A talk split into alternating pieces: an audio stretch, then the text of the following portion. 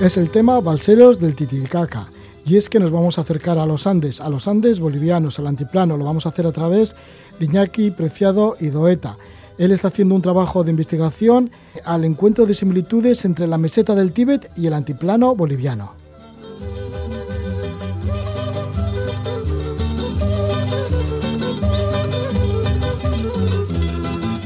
Iñaki Preciado Idoeta nació en Madrid en el año 1941. Es doctor en filosofía, traductor y tibetólogo. Estudió chino con 21 años mientras hacía la carrera de filosofía. Cuando se abrió la Embajada de España en China, fue a trabajar como traductor a Pekín. Tuvo la oportunidad de conocer la China de Mao Zedong. Se dedicó al estudio del taoísmo y tradujo al castellano en 1979 el libro del Tao en la década de 1980 se inició en la cultura y espiritualidad tibetana. Viajó al Tíbet por primera vez en el año 1996. Durante 17 años recorrió la meseta tibetana, residiendo largas temporadas en remotos monasterios. Es monje Bonpo desde el año 2008. Practica la religión Bon, una religión antigua de los tibetanos, anterior incluso al budismo tibetano. Cuatro años después, pues fue expulsado del Tíbet por las autoridades chinas. Durante el 2015 ha pasado cuatro meses en el altiplano boliviano para investigar las similitudes entre las gentes del Tíbet y los aymaras de Sudamérica. Le damos la bienvenida a Iñaki Preciado. Iñaki, buenas noches. Buenas noches. Iñaki, ¿por qué estabas o estás tan interesado en conocer las tradiciones aymaras y de alguna manera asimilarlas a ver si hay algo de similitud con las gentes del Tíbet y la cultura del Tíbet. Pues la razón sencillamente es que como te encuentras en una situación en la que no puedes volver otra vez al Tíbet, pues buscando una especie de sucedáneo, pues mirando y mirando me he dado cuenta de que existía el altiplano boliviano, que en muchos aspectos, sobre todo geográficamente hablando y ambientalmente hablando, pues es muy parecido al Tíbet. Entonces, de ahí surgió la idea de leer algo sobre los habitantes del altiplano.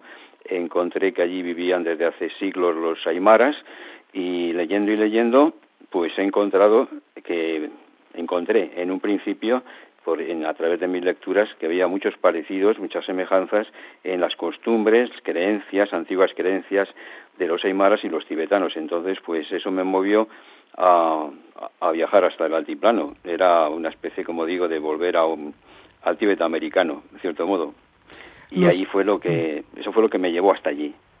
¿Los orígenes de los aymaras pueden ser parecidos a los de los tibetanos? Bueno, claro, lo que más te sorprende cuando ves, y de, hecho cuando llegué allí descubrí que era cierto, ¿no? Esas similitudes, eh, lo que más te sorprende es la distancia tan lejos, ¿no? ¿Cómo puede, es posible que dos pueblos tan alejados uno del otro, pues puedan tener esas coincidencias, asombrosas coincidencias, algunas veces difícil, difícilmente explicables, ¿no? De, en costumbres, creencias, etcétera. Mm, lo que ocurre es que, por otra parte, si vamos a buscar el, el origen racial de ambos pueblos, pues eh, eh, sí, es cierto, eh, está prácticamente demostrado, es opinión generalizada entre los estudiosos que los indios americanos proceden de Asia, proceden a través del estrecho de Bering, en época prehistórica, llegaron en tres oleadas, creo que dicen, llegaron hasta, hasta Norteamérica y pasaron luego hasta Sudamérica, ¿no? Entonces, bueno, eh, que racialmente eh, tienen unos orígenes eh, comunes, que su fisonomía, su aspecto también es parecido, pues eso está ahí, ¿no? Es una cosa que es evidente. Cualquiera que vaya a los dos sitios, pues se da cuenta de que se parece muchísimo, ¿no? Y ese es un poco la eh, digamos un poco el, el, origen ¿no? de, de, esas coincidencias si quieres de tipo genético no cuáles son las semejanzas que hay entre el antiplano boliviano y la meseta tibetana bueno eh, en cuanto a la geografía primero son eh, extensiones extensiones eh, eh, planas claro es una meseta son mesetas o altiplano son llanuras que están situadas a una altura media de 3.500, 4.000 metros aproximadamente. Eh, mm, hay, sin embargo, hay diferencias que yo me he dado cuenta una vez que he estado allí, ya lo he, lo he visto, ¿no? Aparte, claro, los mapas también lo ves enseguida, ¿no? Y es que el Tíbet es más grande. Yo calculo que puede ser pues así, sin exagerar, pueden ser fácilmente pues eh, cuatro o cinco veces más grande en extensión, ¿no? En superficie que el altiplano boliviano. Eso por una parte. Eh, y claro, es, mm, y luego también, y eso indica, eso también es causa de que los pueblos que habitan en la meseta tibetana hayan estado más aislados, es decir, menos en contacto con las tierras bajas. Porque, claro, los que vivían en la periferia, las tribus tibetanas que vivían en la periferia de esa meseta sí podían tener contacto con las tierras bajas tanto de la India como de China. Eh, pero en cambio eh, los, los del centro, lo que es el, grueso de las tribus que vivían por el centro de la meseta, pues estaban muy lejos y prácticamente nunca bajaban, nunca bajaban a las, a las llanuras. Y en cambio los aymaras, eh, los pueblos que habitaron en el altiplano, los aymaras y los antepasados de los aymaras, bueno, no los antepasados, sino pueblos que habitaron en, en el altiplano mucho antes que los aymaras, que estos llegaron más tarde. Los aymaras llegaron a, a en 600 o 700 años. Bueno, pues esos pueblos sí tenían contacto con la, periferia, digo, las tierras bajas, la costa del Pacífico o la selva del Amazonas. Con lo cual, mm, ahí eso también influye un poco en la, en las, en la forma de pensar, ¿no? Eh, eran pueblos que estaban menos aislados de, la, de lo que es eh, esto, como digo, las tierras bajas, en lo que supone también de vegetación, de, de digamos, de, fauna, flora y de, otros aspectos que influyen en el comportamiento y en la, la cosmovisión de las gentes, ¿no?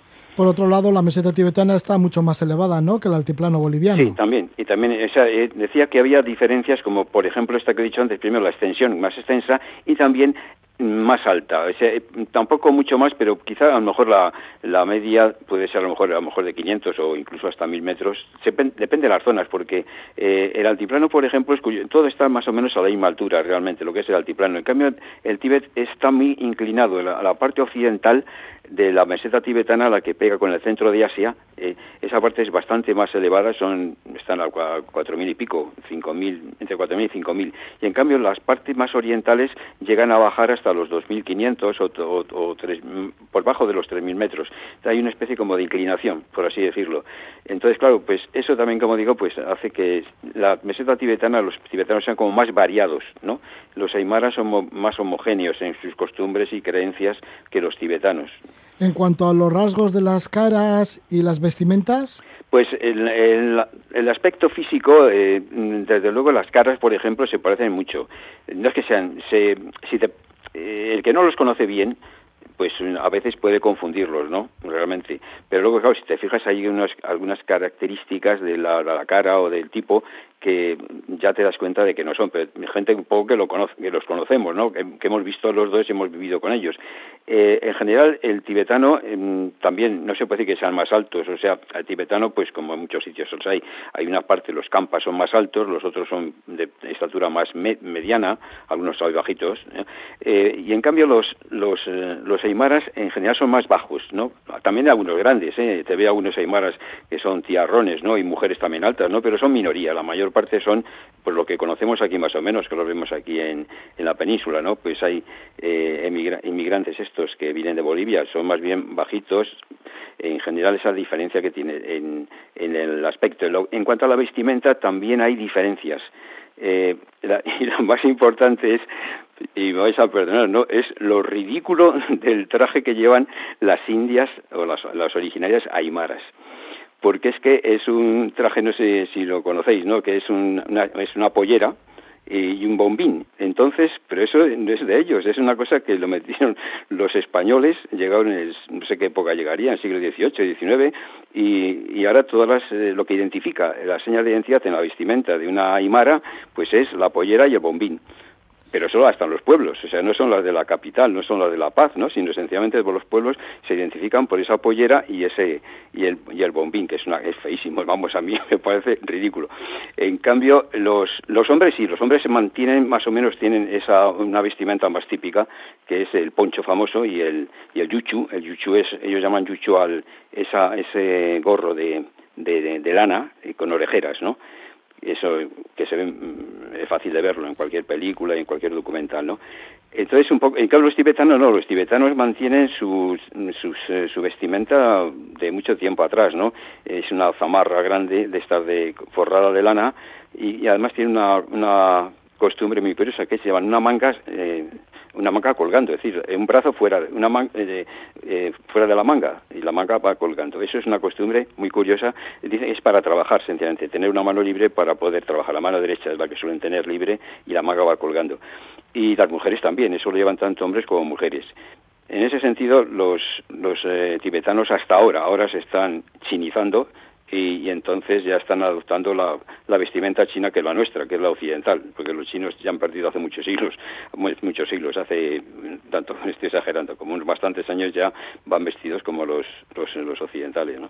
Iñaki, pues has ido a buscar estas similitudes por el antiplano boliviano, pues eso, la geografía, el aspecto físico, la vestimenta, pero sobre todo lo que te ha interesado es conocer las semejanzas en el lado de la cosmovisión a ver si de alguna manera practicaban algún motivo religioso muy, muy ancestral, ¿no? ¿Lo has encontrado en el pueblo eh, Aymara? sí, yo realmente iba sobre todo, primero, como te he dicho antes, era por respirar el aire ese de las alturas, esa falta de oxígeno que a mí me sienta muy bien y no sé por qué será, pero cuando estoy allí físicamente me encuentro de maravilla y cuando bajo aquí es cuando ya empiezan los problemas, es una cosa un poco rara. Entonces, no sé, son los espacios amplios, las montañas a lo lejos que ves, el paisaje, el paisaje del Tíbet y del altiplano es muy parecido, eso sí que son muy parecidos, eh, eso te, no sé, eh, es como si estuvieras en otro mundo, ¿no? Pero vamos, lo que me interesaba sobre todo, como has dicho muy bien, es la, cuestión eh, de la cosmovisión, las creencias, esas, a ver si quedaba algo de esas creencias ancestrales de los aymaras si quedaba algo vivo, eh, porque entonces estamos en la situación siguiente.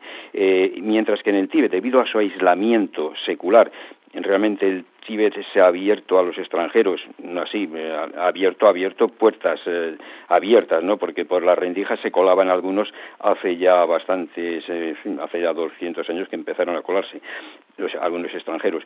Pero, digamos, la llegada masiva de extranjeros al Tíbet es prácticamente de pues eh, si vas a ver, de, los años 80, que es cuando abrieron las puertas los chinos, aunque luego las han cerrado, pero están más cerradas ahora casi que en tiempo de los Dalai Lamas. Pero bueno, hubo un momento en que el Tíbet se, abrió y, la gente pudo viajar como yo, me pasó en mi caso, tuve la suerte, la fortuna de aprovechar esos años que el, Tíbet estuvo abierto. Eh, entonces, pues yo quería ver un poquitín si esa, esa, esa, esas creencias, esa religión antigua que se eh, conservaba tan, bien, tan bien conservada en el Tíbet, si quedaba algo de ello entre los aymaras. Y entonces por eso fui em, buscando entre las, zonas más remotas, claro, La Paz y en las capitales estas no, prácticamente era difícil encontrarlo y se, se entiende ¿no? que haya desaparecido, pero buscando los pueblos en los pueblos más remotos a ver si quedaban estos famosos yatiris, que llaman los yatiris, son como los samanes, que son como los bompos o los lamas de, del Tíbet, ¿no? Eh, y a eso fui, ¿no? A, ver si encontraba algo vivo, vivo, o sea, que estuviera, eh, que no, fuera una cosa folclórica. Y, y realmente, pues, eh, es una pena porque he buscado y, no lo he encontrado. no lo he encontrado. Es lo único que sabemos ahora de la religión antigua de los aymaras y de los incas, que en este caso, pues, podían ser, son prácticamente la misma, eh, hay que remitirse a los cronistas del siglo XVII, del siglo XVI, y esos son los que te cuentan, pues, eh, cómo era la religión de los aymaras, las creencias de los aymaras, pero claro, es una es una, una información completamente indirecta, tergiversada y poco fiable o, por lo menos muy deformada. Antes de partir hacia los Andes, estuviste estudiando o tomando nociones del idioma aymara durante seis meses. Una vez sobre el terreno, has estado cuatro meses en el antiplano boliviano. ¿Cuáles han sido esos lugares tan recónditos a los que has llegado en busca de los yatiris, estos chamanes? Bueno, pues he estado en la, parte de en dos zonas. Hay en los los eh, los aymaras igual que los tibetanos también también se parecen a ellos se reparten o se repartían. Los tibetanos todavía se reparten eh, pero ellos se repartían. Ahora prácticamente se ha, desaparecido casi no en varios grupos uh, tribales por así decirlo no entonces había unos que estaban en, en el norte en el lago Titicaca en la, zona del lago Titicaca los se llaman los lupacas, que estaban en la zona del altiplano que estaba cercana al lago Titicaca. Luego estaban los pacajes, que estaban más al sur, en la zona de, hoy en día es la zona de La Paz, el altiplano de la, del departamento de La Paz. Y luego estaban los, eh, los carangas que estaban más, más, más abajo en la parte de Oruro. Bueno, pues estos he ido buscando un poquitín a ver si eh, en estos pueblos de ahí, de, estas zonas, pueblos remotos, pues por ejemplo estuve en um, Laraquegua, uno que estaba por los en, como a 50 kilómetros de Puno.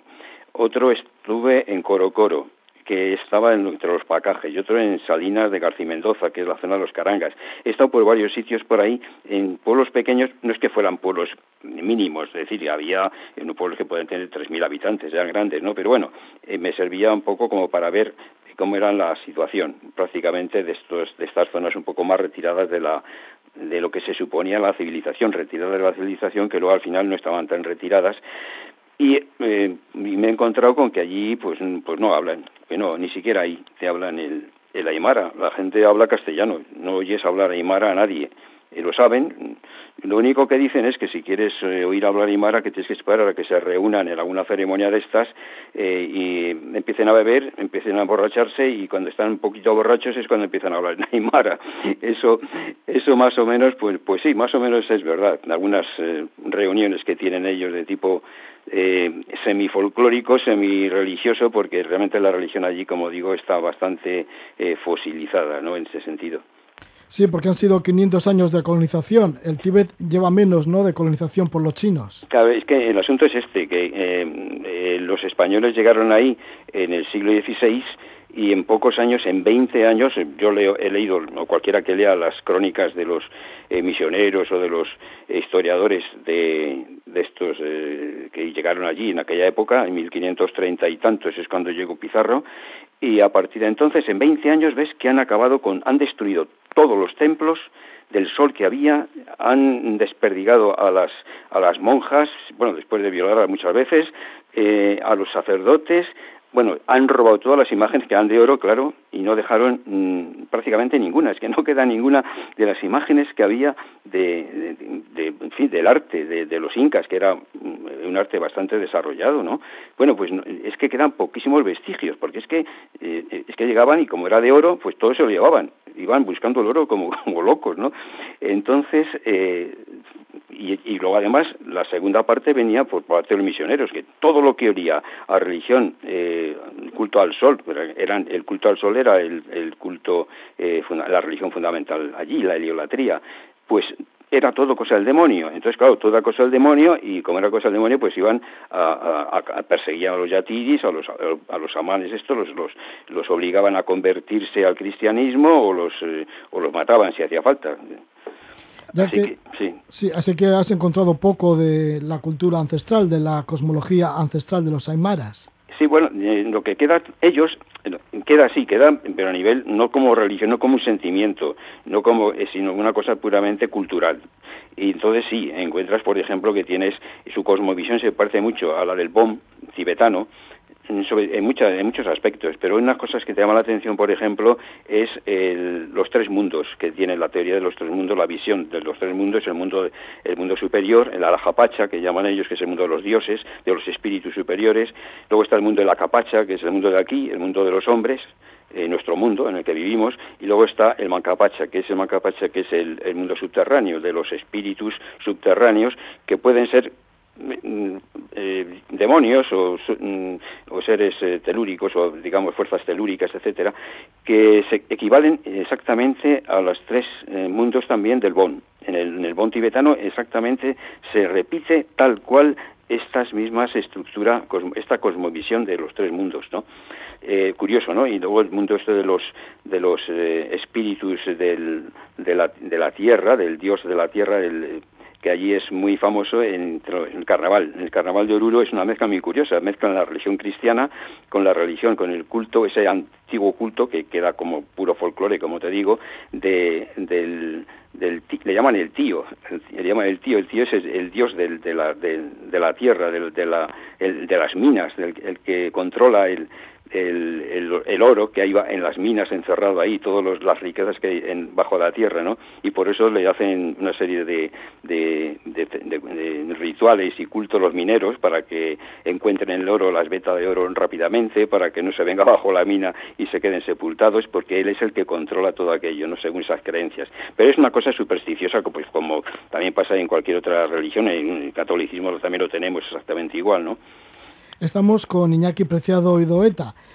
Él es doctor en filosofía, traductor y tibetólogo, traductor del chino, y es monje Bonpo de la religión Bon, la antigua religión de los tibetanos. Es desde el año 2008. Ha sido expulsado del Tíbet por las autoridades chinas y ha ido a encontrar paralelismos entre la meseta del Tíbet y el altiplano boliviano. Durante cuatro meses ha estado en los Andes y nos está comentando las similitudes que ha encontrado entre el Tíbet y los aymaras. Mm, nos has dicho, pues eso, que has llegado a zonas muy, muy así, muy apartadas de, del antiplano boliviano, entre otras la zona de los Carangas. Por ejemplo, la zona de Garcimendoza, ¿no? Ahí está el pueblo de Garcimendoza y hay el volcán, está el volcán Tunupa. ¿Cómo es esta zona? Porque creo que está cerca del Salar de Uyuni. Además, el volcán Tunupa es una montaña sagrada. Sí, el, ese tenía cuando fui para allá, es que he estado dos veces, hice un primer viaje de, de 20 días y luego en el mes de junio, julio, y luego he vuelto en septiembre hasta finales de octubre, de, noviembre. Entonces, eh, la primera vez llegué a García Mendoza, me gustó el pueblo porque estaba retirado, porque parecía bastante, digamos, puro, un poco contaminado por el turismo y tal. Y me llamó la atención el volcán aquel, porque es un, un volcán que tiene algo especial, una cosa me dejó con, con magnetizado, y entonces yo hice el segundo viaje y una de las, de las eh, metas que tenía era subir al volcán.